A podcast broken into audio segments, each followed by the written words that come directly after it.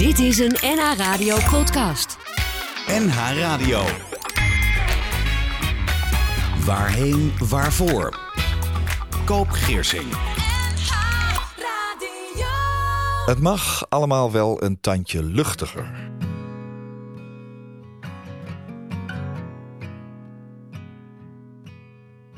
Had ik het voor het zeggen, dan waren we op reis. Alleen de wind en jij en ik, deinend op het dek. Had ik het voor het zeggen, voerden we een eindeloos gesprek. Kijkend over zee, dromend over later. Rozig van de wijn en van de liefde nog het meest. Had ik het voor het zeggen, was dit ons verhaal geweest.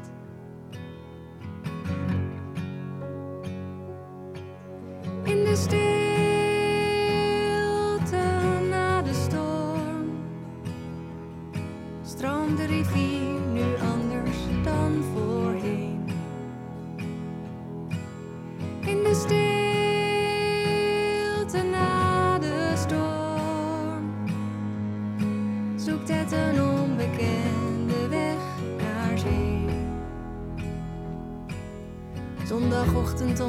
de slappe lach om niks. Hartstochtelijk gekibbel, jouw borst waarop ik lig. Had ik het voor het zeggen, sprak het allemaal voor zich. Had ik het voor het zeggen, namen we afscheid aan het einde. Omarmd door lieve woorden, na voltooid verleden tijd.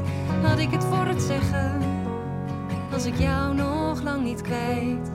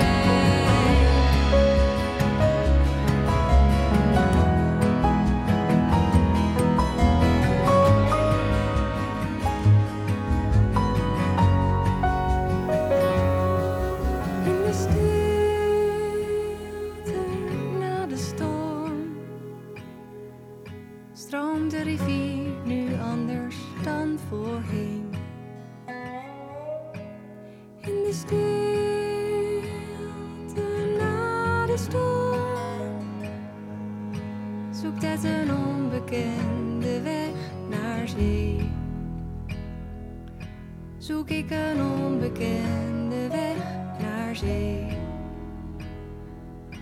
En tot die zee, daar stroom jij met mij mee.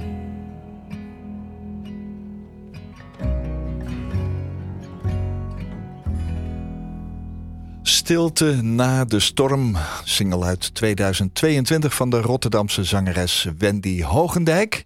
En zij is mijn gast vandaag.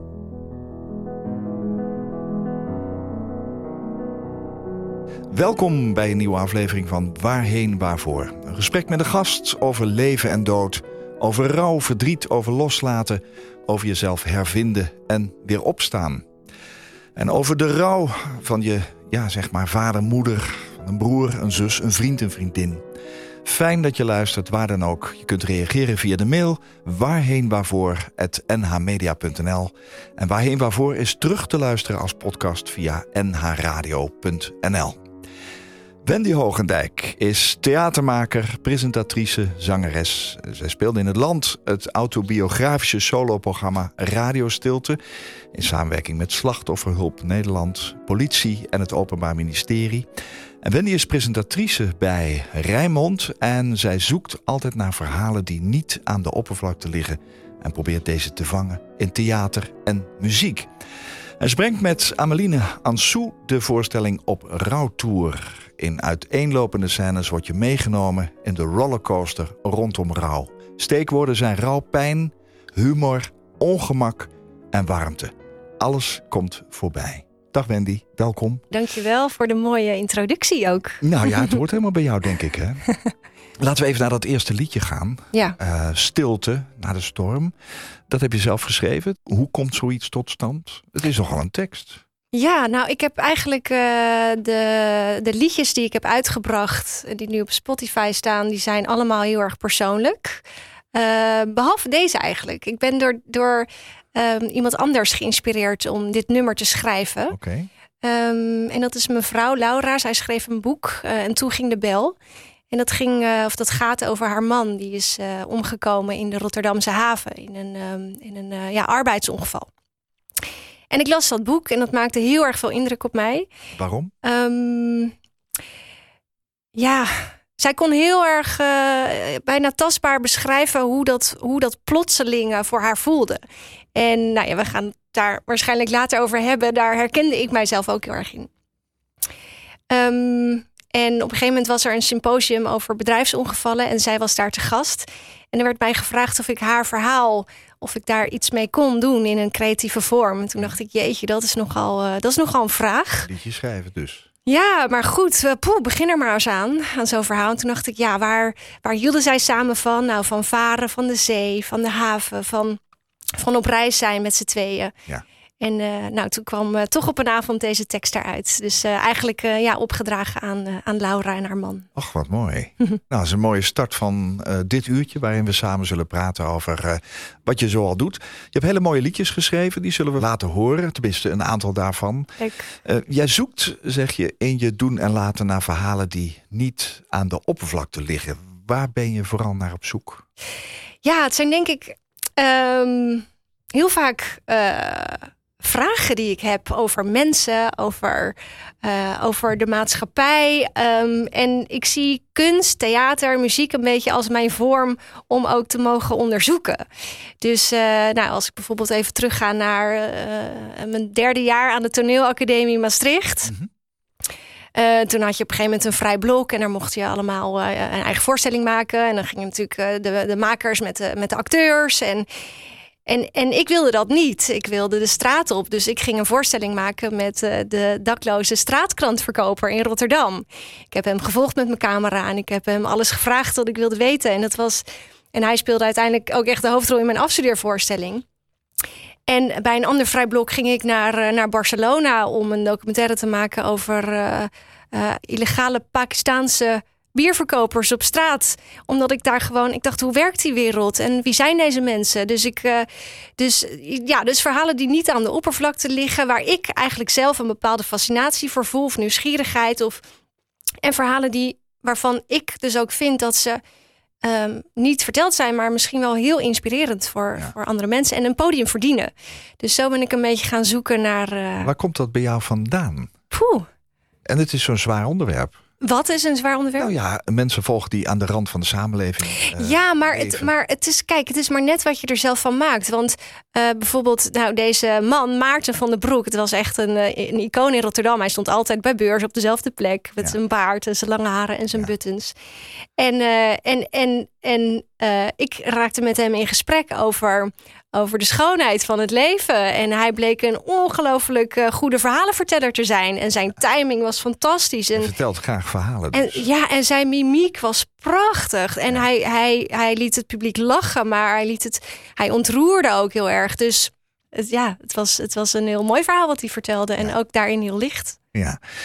Welke maatschappelijk relevante thema's vind jij zelf belangrijk? Nou, ik ben nu wel veel bezig met het thema rouw. Het zal je niet verbazen misschien. Ehm, eh, ja, dat. En ik, heb, en ik heb in het verleden veel voorstellingen gemaakt, inderdaad, met kwetsbare doelgroepen. Dus mensen die echt een beetje aan de rand van de samenleving staan. Dus gedetineerden, eh, drugsverslaafden, Zie je wel? ehm, dak- en thuislozen. En juist ook, juist ook de verhalen van die mensen die dus niet hè, vanzelfsprekend de weg naar het podium vinden, maar wel hele mooie, hele mooie, inspirerende verhalen te vertellen hebben. Ja. Ehm, ja, daar ga ik heel graag eh, naar op zoek en over in gesprek. Ja, dat boeit je. Ja, absoluut. Ja. Uit, uit wat voor gezin kom jij? Ehm, ik kom uit eh, Capelle aan de IJssel. Uit een gezin met eh, een vader en een moeder en een broer. En een hond. en een konijn. Ehm, ja, Opgegroeid met dieren in ieder ja, geval. ja. En ehm, ja, eigenlijk in een, in een heel eh, warm en, eh, en liefdevol nest kom ik uit, kan ik wel zeggen. Ja, Ja, ik werd ook echt wel vrijgelaten om, eh, om dat te doen en te onderzoeken wat ik wilde. Dus ik mocht ook bijvoorbeeld op, op eh, 14-jarige leeftijd ging ik naar de jeugdtheaterschool. En ik, ik wist eigenlijk vanaf dat moment, ik wil theater maken, Ja. ik, wil, eh, ik wil muziek maken. dat zat er al vroeg in. Ja, en dat werd ook wel gesteund door mijn ouders. Dus Ja. daar ben ik nu ben ik ze ook echt wel dankbaar voor. Ja. Ja, Je vader leeft niet meer, hè? klopt. Wanneer is hij overleden? Welk jaar? Op 21, in, in in het jaar 2012, 21 april. Ja. Ja. ja. Waarom is hij overleden? Was hij ziek? Hij was niet ziek, nee. Hij was eh, kerngezond, tenminste, voor zover we weten natuurlijk. En eh, echt eh, stond midden in het leven, maar Ja. hij is omgekomen in een verkeersdelict. Wat erg. Ja, Ja. ja, Denk je vaak aan hem? heel vaak. Ja. Ja, Waarin leef jij voort in hem of hij in jou? oh, wat een mooie vraag. Ehm, ja, eigenlijk op, in heel veel verschillende dingen, op veel verschillende momenten. Ik probeer het iets specifieker te maken, maar ehm, nou, wat je in de introductie eh, noemde, radiostilte, dat is echt eh, mijn voorstelling. eh, die ik heb geschreven en heel veel heb gespeeld ook, die over hem gaat en over eigenlijk het hele proces waar je in terecht komt als nabestaande. Maar het is tegelijkertijd ook een beetje een, nou een beetje, het is ook een ode aan hem geworden. Ja. En ehm, door die voorstelling te maken had ik ook heel erg het gevoel dat hij heel dichtbij was. En doordat ik ook onderzoek ging doen eh, naar dingen die ik nog niet wist over mijn vader, eh, die ik nog niet kende. Dus ik ging heel erg, nou om even specifiek te worden, mijn vader had een piratenradiozender Oh, toen hij, eh, ja, Ja. toen hij in de puberteit zat. Oh, gaaf. En dan was hij op de zolderkamer bij mijn oma. Als hij dan niet kon slapen, was hij verhalen aan het vertellen en Ja. plaatjes aan het draaien. En ik kende dat niet echt, dat verhaal, wel een beetje. Maar ik ging op onderzoek en ik vond microfoontjes en ik vond banden en ik vond een bandenspeler en, en ik vond een flyer die hij had getekend. Dus ehm, dat gaf me ook zoveel, zoveel plezier en kracht om te ontdekken dat hij dus eigenlijk op een andere manier opnieuw tot leven kwam of zo. Of op een andere manier ging leven. En eh, ja, door, door ook over hem te zingen en, en, en, en, en te gaan spelen, vond ja, voelde hij.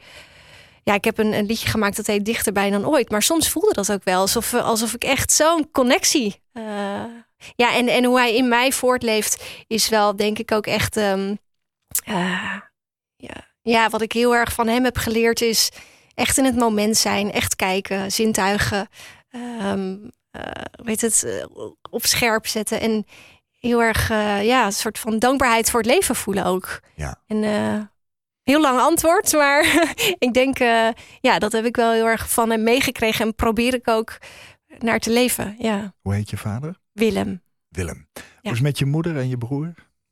Goed, ja. Ehm, ja, goed. We zijn. ehm, eh, nou, het is natuurlijk heel absurd als iemand eh, plotseling uit het leven wordt weggerukt. Eh, het heeft ons als gezin heel dicht bij elkaar gebracht. We waren al wel een echt gezin, maar zeker met mijn moeder en mijn broer en mijn schoonzus zijn we eigenlijk nog dichter bij elkaar gekomen. En da- dat vind ik ook echt, ja, vond ik heel erg, heel mooi. Ben ik ook echt dankbaar voor. Dus we hebben een hele goede band. En ja, mijn moeder heeft inmiddels, nou, we zijn nu elf jaar verder, heeft een, een nieuwe vriend, woont nu samen. Eh, mijn broer die heeft inmiddels eh, drie kinderen. Nou, Dus eh, heel veel, ja, ook wel weer hele grote veranderingen in Ja. natuurlijk ook vrij lange tijd. Maar tante. ja, Tante Wendy. ja, klopt. Oh, ja. leuk. En tegelijkertijd ook echt wel heel erg jammer dat mijn vader dat niet heeft meegemaakt. Want mijn schoonzus was hoogzwanger toen mijn vader overleed. En dat is dan ja, heel raar dat nieuw leven en rouw zo, zo parallel lopen. Of zo eh, dicht bij elkaar staan. Ja. dat is ook zo. Wendy Hogendijk is mijn gast. Dus een Rotterdamse presentatrice, theatermaker, zangeres. En als zingende dagvoorzitter zet ze storytelling en muziek centraal en verbindt ze dit met maatschappelijk relevante thema's. Radiostilte is een autobiografische voorstelling over leven en dood, gemis en veerkracht. En we laten haar liedjes horen in deze aflevering van Waarheen Waarvoor. Ik sta hier aan de kade. Terwijl ik denk aan waar jij bent. Mag ik je nog één keer zien? Misschien. Laten we reizen door de straten. En reizen door de nacht. Naar vroeger, naar hier. Ik heb op jou gewacht. Je bruine wollen trui en je bos haar. Alsof de tijd heeft stilgestaan. Zoveel om te zeggen. Maar de stilte krijgt het woord. Laat ons zwijgen, laat ons kijken. In elkaars vertrouwde blik. Alleen het water en de wind. Alleen de nacht en jij en ik.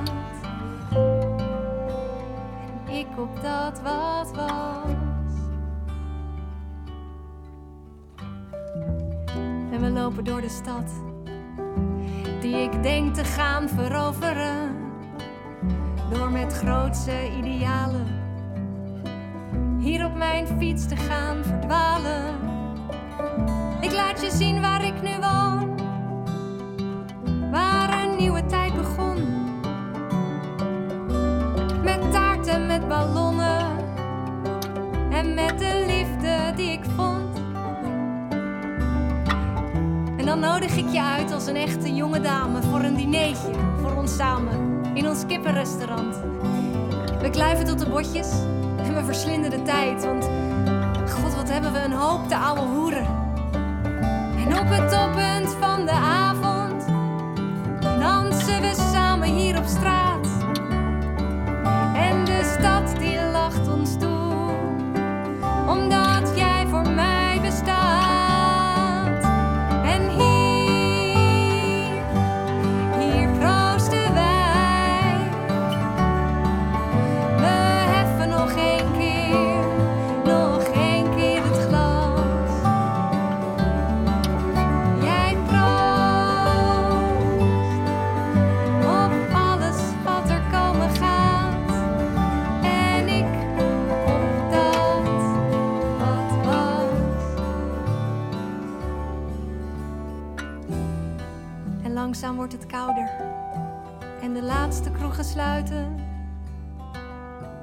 We lopen door een verlaten straat. Als jij over je hemel praat. En ik probeer het te begrijpen. Ik zoek naar een betekenis. Maar ik verdwaal in al mijn vragen. Nu ik jou als vader mis. Ik sta hier aan de kade. Met jou aan mijn zij. Is dit een afscheid? Nee. Maar het feest is wel voorbij. Laat ons soms reizen door de nacht. Alleen zodat ik weet. Jouw details die ooit vervagen. Dat ik ze niet vergeet. Wat een mooi ingetogen liedje. Dankjewel. Ik, ik had een voorstelling gemaakt over, over mijn ex-vriendjes. eh, en daarmee stond ik in, in, in het uh, Cabaret Festival. En ik was heel grappig, eh, vooral vond ik zelf dan grappige liedjes aan het schrijven. En, en, en mijn echte emoties, dus mijn, mijn echte mijn rouw en mijn alle gevoelens daaromheen was ik best wel aan het wegstoppen, denk ik. Ik kon er wel met mijn familie over praten, maar het, het- ik had er geen uitlaatklep voor. En eh, op een avond eh, dacht ik, eh, voelde ik ineens van, nou, ik wil, ik wil eens wat gaan schrijven, kijken wat eruit komt. Ehm, en toen bedacht ik me, oké, als ik mijn vader nog één keer zou kunnen zien, we zouden nog één keer kunnen afspreken, wat Oh ja. zouden we dan doen? Ja. Wat zou er gebeuren? Eh, nou, ik zou hem laten zien waar, waar ik dan nu woon. Hè? Mijn, nieuwe, mijn nieuwe appartementje. We zouden natuurlijk bij Koolmees gaan eten. Ons Ja. favoriete kippenrestaurant. En nou, dat werd een lied van heel veel coupletten. Hè? Want dan zou ik natuurlijk heel veel willen doen. Het vloeide eruit. Ja, zeker. Dat kwam er. En toen merkte ik eigenlijk van eh, hoe fijn het voelde om daar, eh, ja, om, om daar woorden aan te geven. Om er wel over te praten. Nou ja, om, om, om er een, creatieve vorm eh, aan te geven. En ehm, eh, ja, toen, toen was een beetje het hek van de dam. En toen ben ik, eh, ben ik blijven schrijven. En wat ik had toen ook zeker toen ik dit liedje schreef, helemaal niet de gedachte of de intentie om een hele voorstelling daarover te gaan maken. Dat, dat is echt later gegroeid. Ja, je zei net even zo tussen een paar zinnen door dat je misschien wel het idee had dat je het aan het wegduwen was. Je vader is natuurlijk zomaar uit je leven gegrepen. Kun je het moment nog herinneren dat je hoorde dat dat gebeurde? Ja, zeker. Heel goed. Was je, was je bij je moeder bijvoorbeeld? Ja, Of- nee, ik was echt aan het feesten in de stad. Het was vrijdagavond. Eh 23 jaar, dus ja, dan ben je in de stad. Ja, ja. Eh, eh, met een wijntje, eh, lekker aan het dansen. En toen ging de telefoon. En dat was eh, politie Rijnmond. Dat ik eh, naar het ziekenhuis moest komen... omdat mijn vader een ernstig auto-ongeluk eh, had gehad. Jee. Wat Ja. gebeurt er dan met je? ja, ik moet zeggen, dat moment is... aan de ene kant heb ik dat nog heel scherp. Aan de andere kant kan ik echt niet meer bij dat gevoel komen. Nee. Ehm, maar angst. Want ik wist niet wat er, wat er ge- was gebeurd. nee. Ik wist ook niet of hij eh, nog leefde. Maar je werd dus niet door je moeder gebeld? Nee, door de politie? door de politie. Ja, de politie heeft mijn moeder ook gebeld. Of eh, ehm, heeft mijn moeder opgehaald. Ja. En heeft mijn broer eh, ook opgehaald. Eh, en, eh, en mij gebeld. Ehm, Dat je tijdens het feesten nog opneemt dan? Ja, ja. ja het, was, het, was, eh, het, was, ja, het was een beetje aan het begin. Het was, het was net na twaalf uur. Ja. En ehm, ja, heel veel angst. Ik, ik wilde ook niet aan de telefoon vragen of, of hij nog leefde. Ik dacht, als, als, als die is overleden, wil ik het nu nog niet weten. Ehm, dus ja, met ongelooflijk veel angst in de taxi gezeten. En heel veel gaan? ja, naar het ziekenhuis. En daar zag ik mijn moeder. En toen wist ik al dat het helemaal mis was. Ja. Ja. hij leefde niet meer. Nee. Nee, dat, hij is echt eh, ter plekke ook overleden. Ja. Ja. ja. Wat afschuwelijk. Ja, dat was eh, en, en is nog steeds ja, eh, zo, zo abrupt, zo, zo plotseling, zo, ja, zo niet te, te bevatten op dat moment. Iemand die zo sterk is en die zo ook zo voorzichtig in het verkeer. En Ja. je denkt van hoe kan zoiets nou gebeuren? Ja. En, ehm, en, ja, en dan ook geen, geen afscheid natuurlijk. Van het ene op het andere moment moet je er maar mee dealen. Ja. Ja, en, eh, en ik, ik merkte ook wel dat pas het echte rouwen ook later eh, begon of zo. Je Want moet eerst een uitvaart regelen. nou, dat natuurlijk ook. Er komt van alles, van alles op je Hoe af. is dat gegaan dan? Ehm, nou, ik moet wel zeggen, die eerste week dat we inderdaad de uitvaart moesten regelen, ik vond het wel heel fijn om mijn eh, energie heel erg te kunnen, ehm, om heel erg te kunnen focussen op die uitvaart. Ja. Dat deed ik echt samen met mijn broer en natuurlijk ook met mijn moeder, maar we wilden daar echt de allermooiste uitvaart van maken. Dus het was heel, het was heel fijn om eh, alles wat ik voelde, een soort van in die uitvaart te kunnen eh, stoppen qua, qua energie. Wat, wat blijf je bij van de uitvaart zelf? Ehm, Ik hoor wel eens dat mensen zeggen, nou het is allemaal aan me voorbij gegaan. Maar hoe is dat bij jou geweest? Ehm, ja, sommige momenten zijn, eh, zijn echt nog heel helder. En dat is bijvoorbeeld het, het dragen van de kist door de kerk. Zelf gedaan? Ja, ja, met mijn broer. En dat was ja zo, ehm, zo intens. Maar vooral ook omdat eh, ik, we hadden heel erg het gevoel van je, je, je eh, dat zeg ik ook in mijn voorstelling. Je bent bezig met een begrafenis voor iemand die in je hoofd springlevend is. Ja. En dat vond ik, en dat bedoel ik ook met de kompas daarna rouwen. Want ik Ja. besefte ook eigenlijk nog niet goed dat hij, dat hij gewoon dood was, dat hij Ja. er niet meer was. Nee. En dat is zo raar in het Was de begin. begrafenis? Ja. Ja. Wist je moeder dat die begaafd wilde worden? Wist je dat van je vader bijvoorbeeld? ja. Oh ja? Ja, zeker. Heb je Ja, het ik, daarover gehad dan? Mm, nou, mijn vader heeft een, eh, een briefje achtergelaten. Ook met een eh, muziekstuk erop. En met een tekst die aan ons. Ja, dat vind ik ook zo, zo bizar. Ik wist dat dus niet. En toen, eh, toen wij thuis kwamen van het ziekenhuis, zei mijn moeder: er ligt, ligt een, een brief in de kluis. Dat had er natuurlijk nog tientallen jaren moeten liggen. Precies, ja, absoluut. Ja. En dat vind ik dus ook wel weer het mooie aan mijn vader. Dat hij dus ergens ook wel ehm, ja, zich bewust was van, van die kwetsbaar, van, het, van de kwetsbaarheid van het leven. Ja, dat hij dat dus wel had. Ja, dat Ja. hij dat wel eh, had Heb opgeschreven. je daar wat aan gehad ook? Ja, zeker. Dat Ja? waren, waren hele mooie woorden die erop stonden. Oh ja? Ja, ja zeker. Dat heeft hij nog meegegeven. dus. Ja, Maar ook een klopt. muziekstuk. Ja, ja, en dat hebben we dan, eh, ja, dat, eh, dat hebben we dan gedraaid op de begrafenis. Ja, Ja. en ehm, Ga je vaak naar de begraafplaats toe? Nou, ik moet zeggen dat ik daar ehm, niet heel vaak naartoe ga. Eh, ik, ik vind het heel fijn om daar te zijn als Ja. het mooi weer is, als Ja. de zon schijnt. En als ik daar echt even, even lekker in het gras kan zitten. Mhm. Ehm, en dan doe ik dat af en toe, maar eh, eh, zeker, ja, dat is eigenlijk een paar keer per jaar. Ik heb meer het gevoel, als ik gewoon echt in de natuur loop bijvoorbeeld, als ik een mooie strandwandeling maak, een mooie boswandeling, dan, eh, dan voel ik een bewijs van spreken dichterbij dan als ik daar op de begraafplaats ben.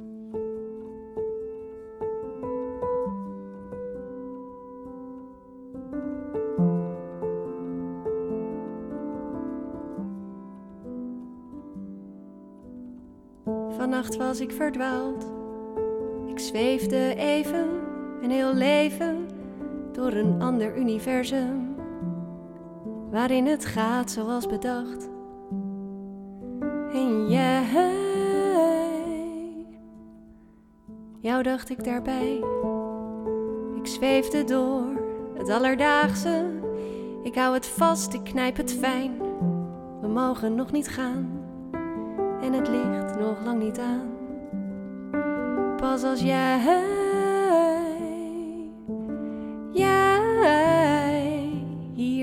zijn.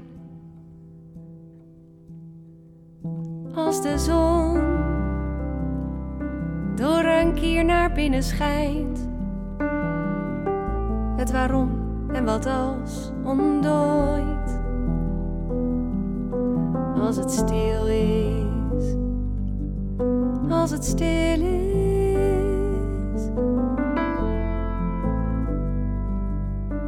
Lijk jij dichterbij dan ooit?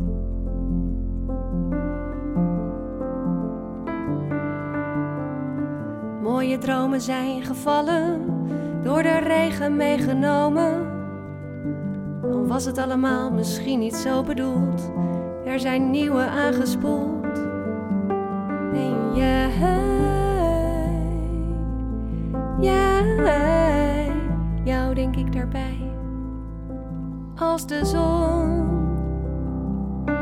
door een kier naar binnen schijnt, hier naar binnen schijnt. Het waarom en wat als ontdooit.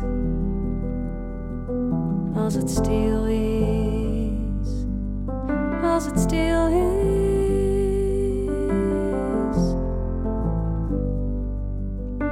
Lijk jij dichterbij dan ooit?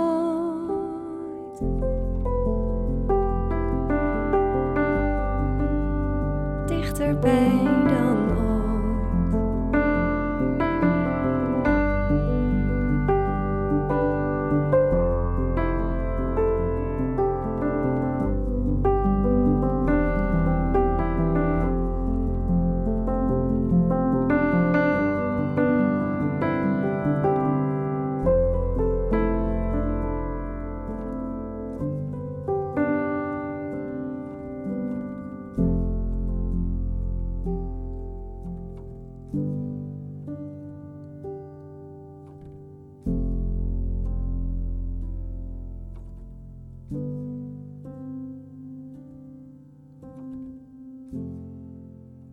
Dichterbij, Wendy Hogendijk, zij is mijn gastin. Waarheen, waarvoor?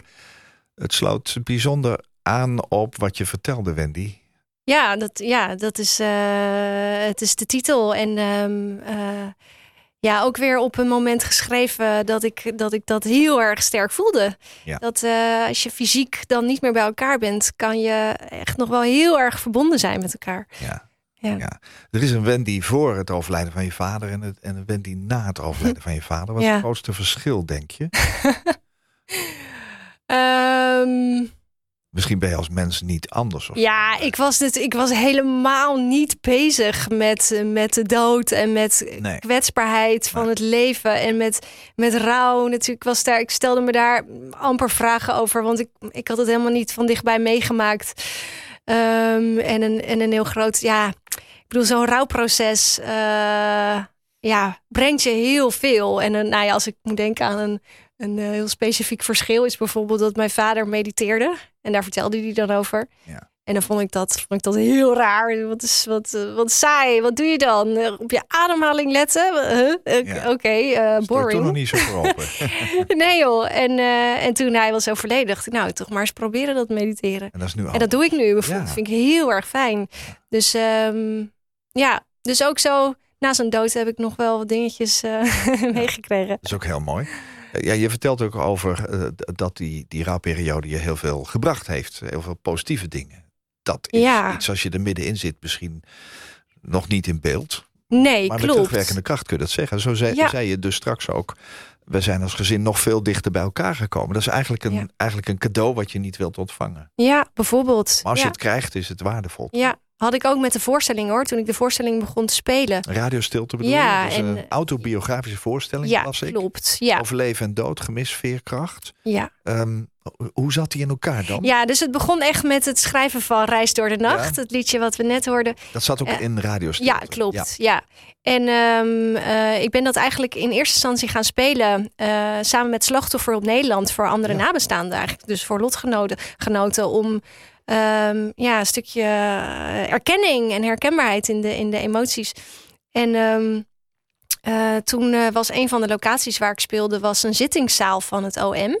En er waren wat, wat mensen van het OM eh, waren komen kijken. En toen ehm, had ik daar helemaal niet zo over nagedacht. Maar toen kreeg ik te horen van. Want ja, de voorstelling gaat eigenlijk ook over de rollercoaster waar je in terecht komt als nabestaande. Ja. Dus ook gesprekken met politie, met OM. Ehm, ehm, maar ja, daarin natuurlijk ook heel erg. Ik heb ook heel erg gezocht naar balans tussen zwaar en licht. Want het klinkt nu allemaal heel zwaar en dat is natuurlijk ook. Maar ook in het ongemak in die gesprekken bijvoorbeeld zit natuurlijk heel veel humor. En dat heb ik ook heel erg uit proberen te halen. Dus het is. En natuurlijk ook waar ik net over vertelde, de piratenradiozender van mijn vader. Die zit daar doorheen verweven. Dus het is ook een, ehm, een hele. Ja, een, een, ook een lichte voorstelling in de vorm en in, in hoe ik het speel. Dus, ehm, eh, dus toen eh, ja, werd me eigenlijk verteld van misschien is het wel interessant ook om voor professionals te spelen die aan de andere kant van het verhaal Oh ja. staan. Ja. Als een soort van eh, ja, inkijkje in een compleet verhaal achter een dossier. Een soort ja, een stukje slachtofferbewustwording. Ja. Eh, dus ehm, Veel professionals maken een stukje mee. precies. Ja. daarvoor en ook niet daarna. Nee, precies. Dus zo heb ik eh, mijn voorstelling echt mogen spelen eh, op alle parketten van het OM, maar ook veel voor politie. Ehm, ja, en, dat, en, en ook dit is dan weer een voorbeeld van dat ik uiteindelijk ook dankbaar was dat ik, dat ik die kans kreeg en dat ik op mijn manier dus betekenis kon geven aan iets wat super zinloos was. Ehm, en ook iets waar ik, nou ja, jaren geleden echt nooit van had kunnen denken dat ik daar dankbaar voor kon zijn. Was het Want- fijn om te doen? Dat klinkt misschien gek, maar ja, heel is fijn. fijn gevoeld. Ja, Ja. zeker. Zeker. In eerste instantie omdat ik hem natuurlijk best wel eh, ja, een soort van dichtbij kon houden door, door de voorstelling te spelen. Ja. Maar ook omdat ik wel merkte dat er dus gesprekken op gang kwamen tussen professionals over Ja. ja. ja, hoe verhoud je je nou als professional tot een slachtoffer? En dat waren hele interessante gesprekken. En ik vind het, ja, ik vind het mooi dat de voorstelling daar een soort van opening eh, voor was. Je hebt daar zelf Ja. dus heel veel aan gehad. Hè? Radio Stilte heette het. Nu ga je op rouwtour Ja. met eh, Ameline Ansou. Klopt. Die heeft het boek Van harte gecondoleerd geschreven. En was eerder mijn gast hier in Waarheen Waarvoor.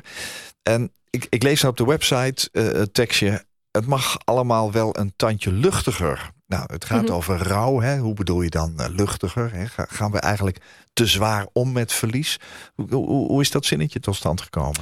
Ja, het is. ehm, kijk, de, het, het is.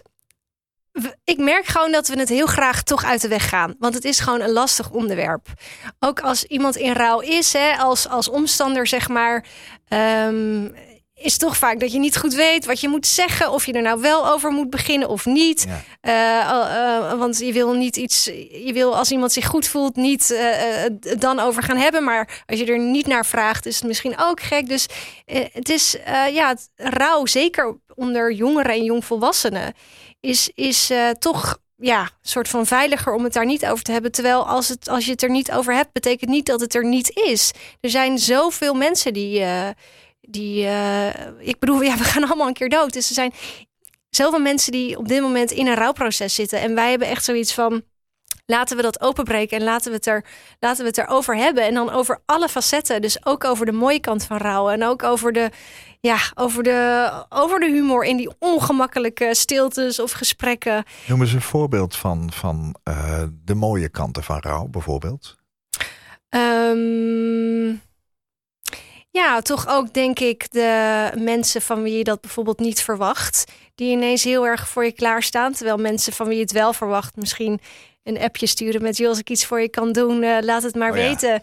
En dat, ja, en dat iemand anders die van wie je het niet verwacht... ineens met een pan soep voor de deur staat. Of, Ja, dat heb je meegemaakt. ja, ja, zeker. Ook is echt eh, mooi. letterlijk dit verhaal. Ja.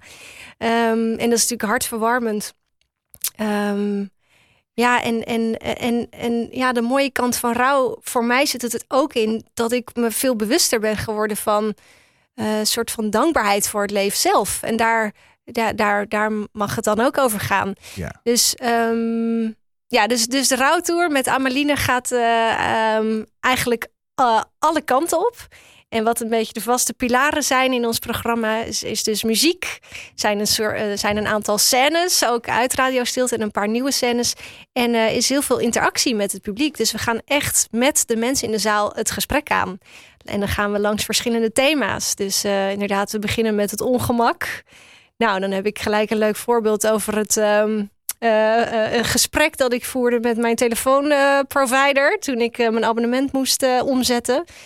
Eh, want ik kreeg te horen dat dat toch wel erg eh, eh, lastig was dat mijn vader was overleden, omdat ze eigenlijk wel zijn handtekening nodig had. Nou, dan is het ijs meteen een beetje gebroken. En iedereen heeft wel zo'n soort verhaal, voorbeeld. Dus dan delen we dat met elkaar. En dan vanuit daar gaan we naar het thema afscheid. En nou, Ameline is haar beide ouders verloren. Ik dan mijn vader. En, en Ameline heeft bijvoorbeeld afscheid kunnen nemen van haar moeder. Uh, ze had een ziektebed. Ik heb geen afscheid kunnen nemen van mijn vader. En dat, die, die, onze verhalen leggen we dan een soort van parallel naast elkaar. En dan hebben we het met de zaal ook daarover. Van wat is nou eigenlijk afscheid nemen? Nou, vanuit daar gaan we naar, uh, naar herdenken en naar herinneren. En, uh, en hoe je iemand toch dichtbij kan houden. En dan komen zulke mooie verhalen ook vanuit het publiek. Dus voor ons is het elke keer ook weer een soort van ja, heel anders en, uh, en bijzonder dat het zo uh, met elkaar wordt gedeeld. En dat het er gewoon een keer helemaal over mag gaan. Ja. Net als de mensen in de kerk zijn de wolken hier gekomen. Ze hebben donkere blikken en regen in hun ogen. Net als de koffie in de kan vallen de druppels heel gestaag. Er is genoeg voor iedereen, maar smaakt zo bitter hier vandaag. Tot buiten staat de rij met stropdassen en hakken. Vrouwen in hun jurk mannen in hun pakken. Binnen is het warm en zorgvuldig aangekleed. Net als de muzikanten, het feestje is compleet.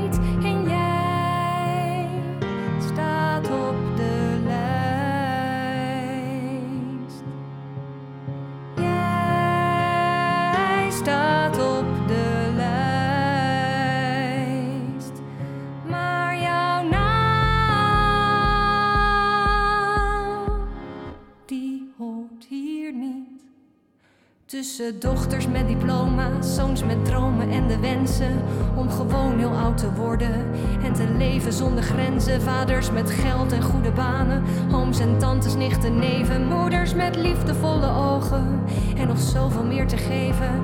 Ik zie alle helften samen, ik hoor stiltes van gemis. Ik lees boeken in hun ogen ter nagedachtenis. Dan komen alle namen los van het papier. Een witte roos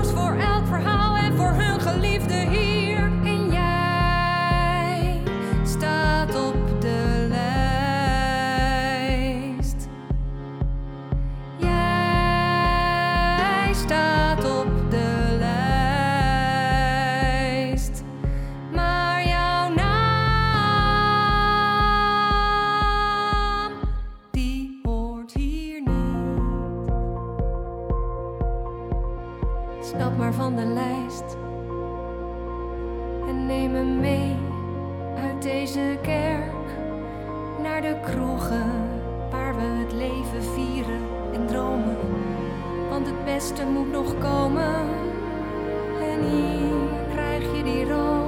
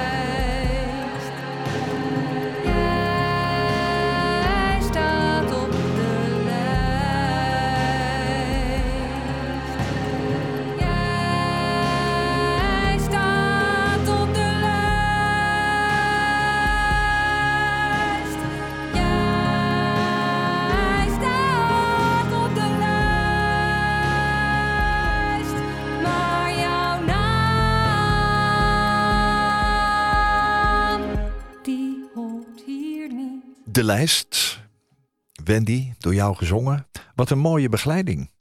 Wie speelt op de piano? Oh ja, dat is Serge Dussel. Ja, hij heeft eigenlijk alle muziek eh, eh, gemaakt en ingespeeld. En eh, ja, Heb jij de melodie ook bedacht? Of, of de- Ehm, doen jullie het een beetje als een Lennon McCartney? De ja. met een tekst en de ander met... ja, echt wel samen. En soms heb ik dan een melodie, hoor ik dan in mijn hoofd en dan proberen we dat uit. Ja. En ja, ja. Ja, en de lijst is. Ja, dat is eh, weer. eh, ik was een paar jaar geleden bij een eh, herdenking voor verkeersslachtoffers. En nou, wat ik dus zing, het was in een kerk. Het was allemaal heel mooi aangekleed. De mensen waren mooi aangekleed. Er was koffie, thee, cake. Allemaal foto's van iedereen die dan in dat jaar was, was overleden of daarvoor. En ik ging naar huis en ik dacht. Ik wil een heel lelijk woord zeggen, maar ik dacht. Jij staat gewoon op die lijst met slachtoffers. En ik wil dat niet. Ik wil dat je. Ik wil dat we wat leuks gaan doen. Hè? Want ik ook. eh, en eh, nou, dus dit, deze tekst heb ik ook denk ik in een half uur geschreven. Die kwam er in één keer uit. Ja. En, en, en net zoals ik dat had, had natuurlijk eh, iedereen in die zaal zoiets. Niemand kiest ervoor om daar te zitten Nee. om zijn dierbaren te herdenken. Nee. Maar je, je, ja, je moet soms gewoon maar dealen met wat je wordt gegeven. Je krijgt feedback hè, uit, uit het publiek. Hè? Mensen praten mee. Ja. Wat, wat zijn dingen waar jij heel veel aan gehad hebt, bijvoorbeeld? Eh, je bedoelt bij Rouwtour, hè? Ja. Nou, wat ik wel bijvoorbeeld heel, eh, heel leuk vind, is dat we, eh, dat is dan een beetje richting het einde van het programma, dat we het hebben over herdenken en herinneren. En dan eh, vertellen wij hoe wij dat doen. En dan vragen we ook aan de mensen in de zaal van, hoe doen jullie dat? Ehm, ehm, hoe, Komen mensen dan ook? Willen ze het wel vertellen? Ja, zeker. Komen ze los? Ja, zeker. Ja. Er ontstaat heel snel een soort van eh, veilige, intieme sfeer. Of we nou voor 50 man spelen of voor 200. Oh ja. Dat- En dat is wel, vind ik wel een beetje de max om het intieme gevoel te, te behouden. Ehm, maar er wordt, ja, ik denk ook omdat wij onszelf ook opstellen en in die zin kwetsbaar opstellen. ehm, eh, is dat ook een uitnodiging voor de zaal om dat te doen? Ja. Dus eh, nee, er, worden, er wordt- heel veel gedeeld. Ja. ja. En dingen die jij gehoord hebt waarvan je zei van zo heb ik er nog niet naar gekeken. Gebeurde dat soort dingen ook?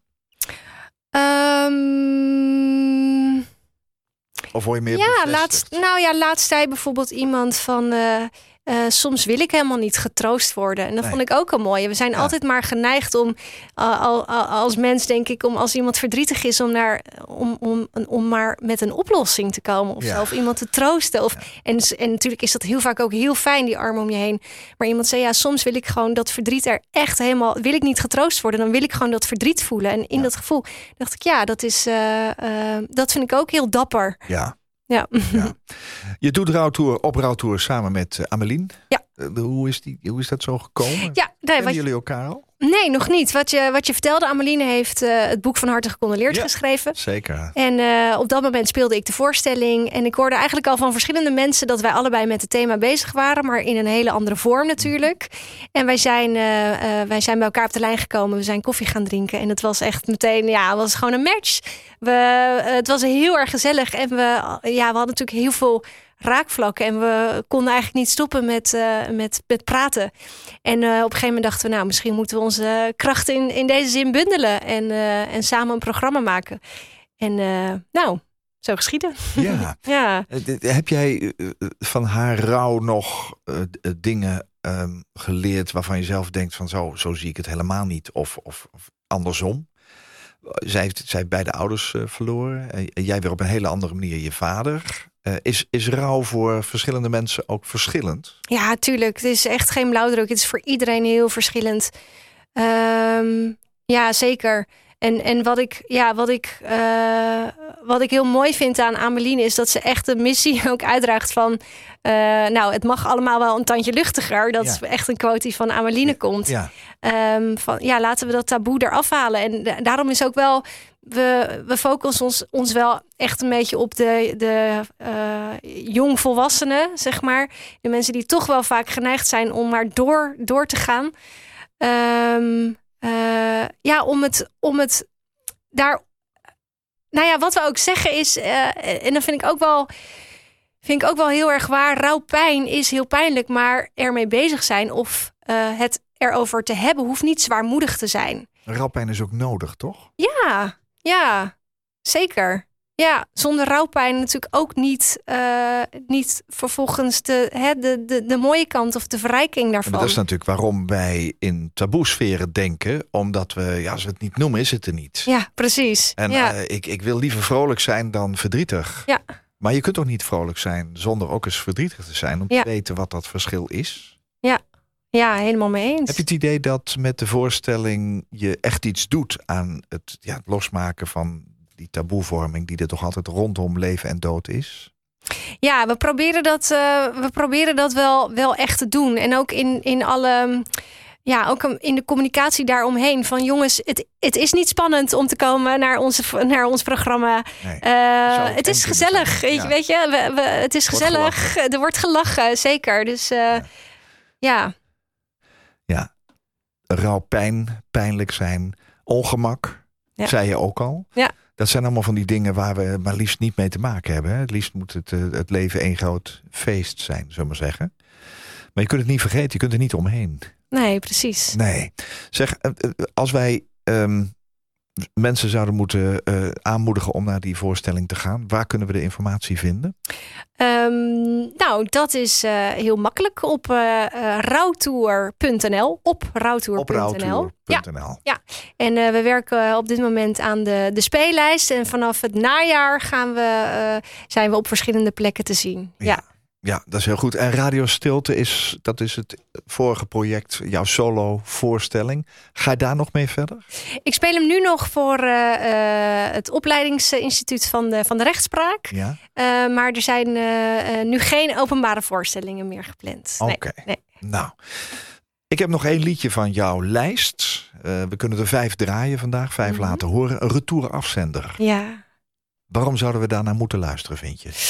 Ja, retourafzender staat denk ik het meest dichtbij bij mij. Ehm, het, is, het was ook eh, het slotnummer van, eh, van de voorstelling.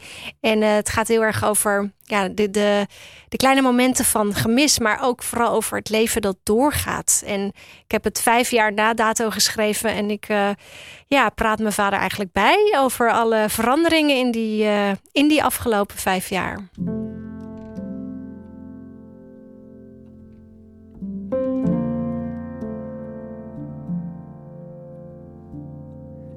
Laatste kaart die ik je schreef, die heeft de postbode teruggestuurd. Hij ligt op de stapel in zijn envelop met retour afzender erop. Maar na vijf jaar dacht ik, ik probeer er toch nog één. Met mijn nieuwe adres op de achterkant heb je dat ook maar meteen. En voor de zekerheid nu twee zegels met Willem-Alexander. Trouwens, hij is nu koning al een tijdje. En Trump werd president. David Bowie is ook dood. Maar dat is vast bij jou bekend.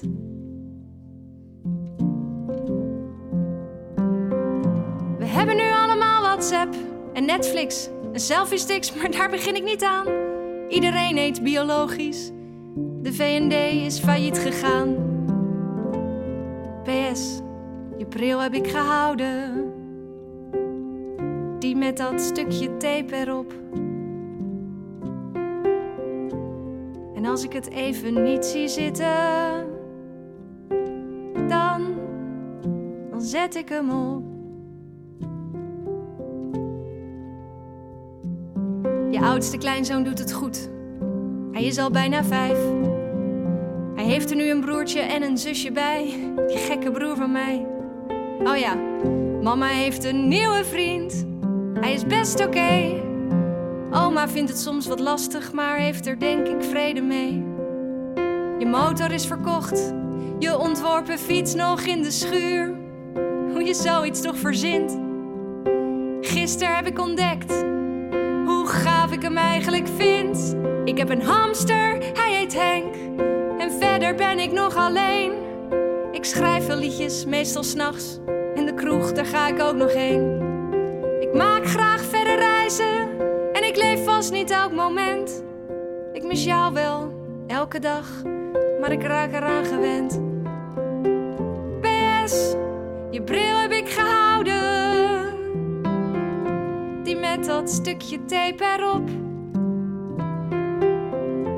En als ik het even niet zie zitten, dan zet ik hem op. PS, je bril heb ik gehouden, die met dat stukje tape erop. En als ik het even niet zie zitten dan zet ik hem op.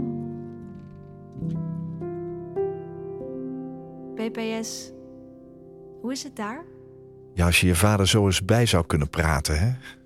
Ja, zeker. En dan zou ik nu weer eh, allemaal nieuwe dingen te vertellen hebben. Ja, ja. Ja. Je, je bent wel heel erg bezig met eh, leven en dood, hè? met rouw, met verdriet loslaten en zo. Doe je nog andere dingen? Ja, zeker wel. Ja, ehm, ik, ik zou ook niet alleen maar met dit thema bezig kunnen zijn. En eh, nee, ik, ehm, eh, ik maak ook voorstellingen met jongeren. Ik maak tv. Ik sta heel vaak op congressen en symposia als dagvoorzitter.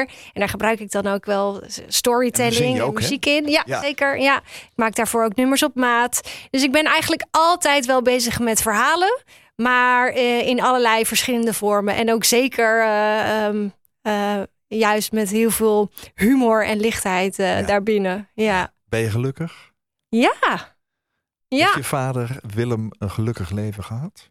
Ja, ja, ja, ik kan zeker wel zeggen van ja. Ja, ik heb hem heel erg eh, eh, zien genieten op heel veel momenten. En echt van die kleine momentjes. Even de scooter pakken, even een visje halen. Even, ja, hij genoot. Hij genoot heel erg van de kleine dingen. En ehm, ehm, ja, ik denk dat ik, dat ik hem me wel heel erg als een, een gelukkig mens eh, kan herinneren. Helpt ja. dat in je, in je zeg maar rouw? Ja, zeker. verdriet? Zeker. Ik had hem nog heel veel meerjaren gegund. Ook zeker met zijn kleinkinderen. En dat is, dat is gewoon niet zo. Dus eh, ik kijk wel terug op, een, eh, ja, op een, een hele fijne tijd. En een hele fijne vader die ik in ieder geval 23 jaar heb mogen hebben. Nou, super dat je dat zegt. Ook heel mooi. Mhm. Wat ga je nog doen, maar doe je nog niet? Eh, wat ga ik nog doen, maar eh, doe ik nog niet? Nou, ik... eh, eh, eh, boe, ehm, Ja. Ja, ik wil heel graag meer, meer tv maken. Ik wil een hond. Ik wil ooit een, een huisje met een tuintje. Ik, hoop, ik hoop toch ook nog eens moeder te worden. Ik wil heel graag nog heel veel voorstellingen maken. Nog veel mooie reizen te maken. Eh, maar vooral gewoon ook... ja, af en toe is eh, lekker stil te blijven staan... en niet per se iets, eh, iets te moeten. ja. Stel niet te veel uit, hè? Nee, mooi. Heel goed, eh, heel goed advies. Ja. Mijn gast in deze aflevering van Waarheen Waarvoor was Wendy Hogendijk, theatermaker, presentatrice, zangeres. Ze speelde de solovoorstelling Radiostilte en zij is tv-presentatrice bij Rijnmond. Maakt haar eigen muziek, waar we vandaag naar geluisterd hebben. Mooi, mooie liedjes, mooi verschillend. En zij zegt storytelling en creativiteit zet mensen in beweging. En ik zoek naar verhalen die niet aan de oppervlakte liggen. En probeer deze te vangen in theater en muziek. Nou, dat lukt je vast heel goed. Wendy, dank voor je verhaal en je rouwtour. En ik wens je alle goeds. Dankjewel. En ook voor het fijne gesprek. Koop Geersing. Als jij een keer te gast wilt zijn in Waarheen Waarvoor... om te vertellen over jouw levensreis, laat me dat dan weten... via waarheenwaarvoor.nhmedia.nl waarheenwaarvoor.nhmedia.nl Dit was een NH Radio podcast. Voor meer, ga naar nhradio.nl. Radio.